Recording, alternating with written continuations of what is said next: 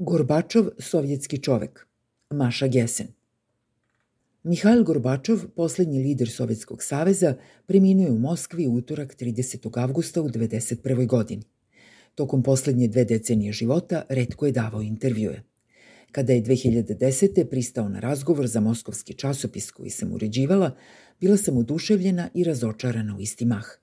Bila je to jedinstvena prilika osuđena na propast. Gorbačov je bio notorno loš sagovornik.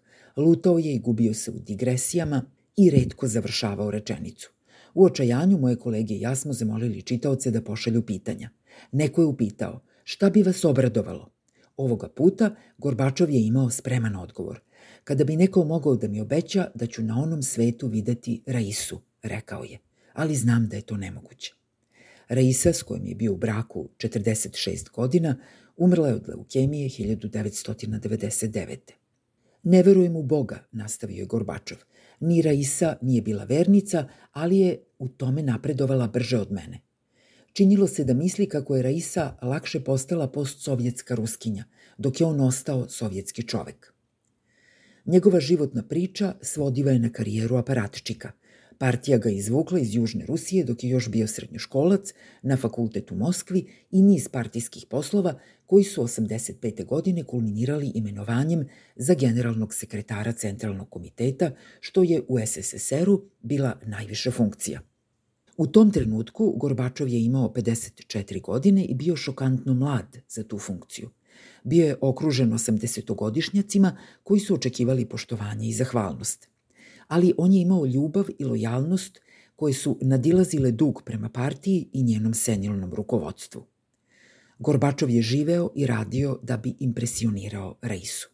Upoznali su se kao studenti Moskovskog državnog univerziteta, gde je on studirao pravo, a ona filozofiju. Reisine kolege sa klase bili su izvanredna generacija posleratnih sovjetskih mislilaca i to je, možda više nego bilo šta drugo, podstaklo oblikovanje politike koja će zauvek biti sinonim za ime Gorbačova – glasnost i perestrojka. U roku od nekoliko nedelja, pošto je postao generalni sekretar, Gorbačov je obznanio nameru da reformiše i modernizuje Sovjetski savez. U junu 1987. najavio je novi koncept – perestrojku, restrukturiranje sovjetske politike u svim oblastima. Iako to nije izrečito kazao, mislio je na liberalizaciju – Sovjetski savez će ozakoniti ograničena privatna preduzeća i ublažiti cenzuru, dopuštajući javnu diskusiju o tabu temama. Zakoni o cenzuri nisu ukinuti, ali je popuštanje restrikcija, eksplicitni cilj glasnosti, proizvelo neviđenu eksploziju tekstova, filmova, performansa i muzike.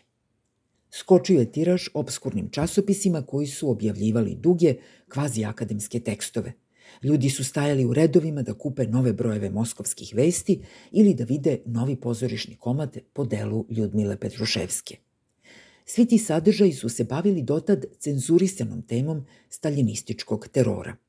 Prvi put od Staljinove smrti 1953. sovjetski građani su javno govorili o svojoj prošlosti. Godinama kasnije Gorbačov je poželao da sačuva ovaj deo svog nasleđa – U saradnji sa nezavisnim novinama Novaja gazeta pokušao je da pokrene muzej staljinističkog terora, zašto je 2008. formirao radnu grupu. Kao generalni sekretar rekao je, dobio je pun pristup arhivama. Tada je saznao da je teror zaista bio nasumičan, da su ljudi hapšeni i ubijani, ne zbog krivičnog dela, niti zbog sumnje da su ga počinjili, pa čak ni zbog lažne optužbe da su ga počinjili, već naprosto zato što je svaki lokalni organ morao da ispuni kvotu hapšenja i pogubljenja. Takođe je saznao da su na vrhuncu terora, kada je svakodnevno bilo streljano na hiljade ljudi, sovjetski lideri potpisivali naloge za pogubljenja zbirno, po stranici, sa desetinama imena na svakoj. Gorbačov, čija je komisija pregledala milione slučajeva iz Staljinove ere i poništila stotine hiljada osuđujućih presuda, drhtao je od neverice dok je govorio o svemu što je saznao. To je još jedan kvalitet koji ga razlikovao od prethodnih sovjetskih lidera. Mogao je biti potresen. Imao je sposobnost promene pogleda na svet. Izgledalo je da on sam može da se promeni. to ne važi za njegove naslednike. Ubrzo je postalo jasno da za muzej koji je Gorbačov želeo da izgradi nema mesta u Putinovoj Rusiji, obuzeto i brisanjem sećanja na staljinistički teror u sobstvenoj verziji ruske istorije.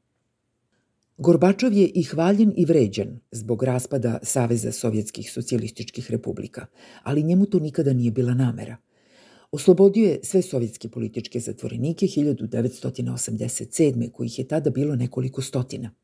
Rusija trenutno ima više političkih zatvorenika nego SSSR 80. godina. Njegova politika glasnosti i perestrojke omogućila je da se čuju kritičari sovjetske vlasti. Andrej Saharov, disident koji je izabran u Vrhovni sovjet nakon što ga je Gorbačov oslobodio iz unutrašnjeg egzila, zalagao se za ukidanje monopola komunističke partije – Galina Starovojtova, akademska etnografkinja koja je postala političarka, tvrdila je da se Sovjetsko carstvo mora demontirati i predložila sporazum o Uniji koji bi zamenio sovjetsku kolonijalnu strukturu. Gorbačov je odbacio obe ideje.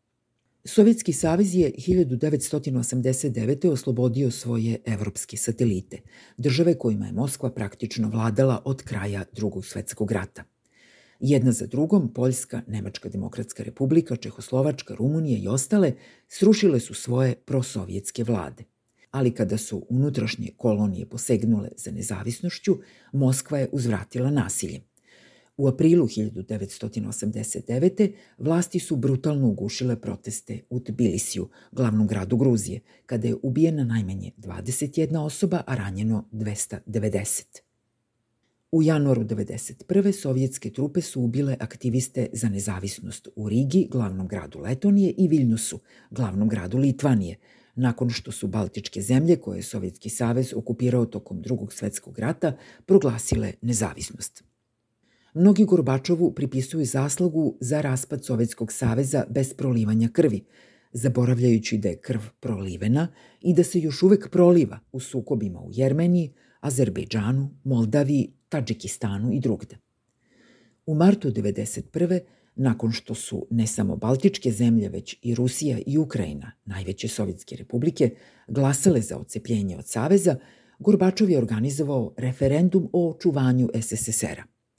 Šest od 15 konstitutivnih republika odbilo je da učestvuje, ali je Gorbačov tvrdio da je preostalih devet podržalo očuvanje zemlje. U avgustu 1991. grupa starijih tvrdokornih funkcionera pokušala je državni udar. Stavili su Gorbačova u kućni pritvor u njegovoj letnjoj rezidenciji na Krimu i proglasili vanredno stanje, vraćajući cenzuru. Tri dana kasnije puč je ugušen, ali se Gorbačov u Moskvu vratio kao gubitnik. Istisnuo ga je Boris Jeljcin, lider nezavisne Rusije. U decembru te godine Jelcin će sa liderima Ukrajine i Belorusije pregovarati o kraju Sovjetskog saveza. Gorbačov je podneo ostavku na mesto šefa države koje više nije bilo. Bio je spreman da pribegne nasilju i nameštenom glasanju kako bi je sačuvao, ali nikada ne zato da bi ostao na vlasti. Gorbačov je pripadao onoj redkoj vrsti političara koja dela iz uverenja da svet i ljudi u njemu, uključujući i njega samog, mogu biti bolji i jesu bolji nego što izgledaju. Velika je tragedija njegovog političkog života to što već 23 godine Rusijom vlada političar suprotnih shvatanja. Vladimir Putin veruje da je čovečanstvo pokvareno do srži i svi njegovi postupci na ovaj ili onaj način osmišljeni su da potvrde takav pogled na svet. Veći deo perestrojke Putin je proveo kao relativno niži službenik KGB-a u Drezdenu u istočnoj Nemačkoj – Nije bio u Rusiji kada se ulicama širio opojni miris slobode, ali je bio u istočnoj Nemačkoj kada je Moskva odustala od nje. Nikada nije oprostio Gorbačovu što je napustio službenike KGB-a u Drezdenu i ostatku satelitske države, kao i san o džinovskom evropskom carstvu. Ljutnju na Gorbačova Putin deli sa većinom Rusa koji bivšeg generalnog sekretara povezuju sa nestabilnošću, haosom i nestankom poznatog sveta. Uz poneki izuzetak, inteligencija, koja od glasnosti verovatno imala najviše koristi, svoju naklonost prema Gorbačovu meša sa prezirom zbog gušenja pokreta za nezavisnost, ali i zbog načina na koji je govorio. Na zapadu koji ga je poštovao, Gorbačov je govorio preko prevodilaca, koji su njegovo brbljanje pretvarali u uredne rečenice – U Rusiji su ljudi slušali čoveka koji nikako nije uspevao da završi misao ili da dođe do poente sa naglaskom koji ga je zauvek obeležio kao priučenog provincijalca. Po odlasku sa funkcije, Gorbačov se uglavnom držao dalje od javnosti. Pokrenuo je istraživački institut Fondacija Gorbačov. Bavio se dobrotvornim radom. Pokušao je, ali nije uspeo da pokrene muzej staljinističkog terora. Kada je Putin razbio proteste 2013. i doneo niz zakona koji praktično onemogućavaju demonstracije, Gorbačov je u jednom intervjuu uzviknuo Ne bojte se svoga naroda pobogu. Ali nikada nije istupio protiv aneksije Krima 2014. ili invazije na Ukrajinu. Na kraju bio je najnesovjetskiji od svih sovjetskih lidera, ali mu je sovjetski sistem bio u krvi. Imao je ograničenu imaginaciju, mada ga nisu ograničavala uverenja ni urušene institucije iz njegove mladosti. Ali čak i kada je Rusija povela agresivni kolonijalni rat, Gorbačov kao da nije bio u stanju da zamisli šta bi njegova zemlja mogla da bude, a da to nije imperija.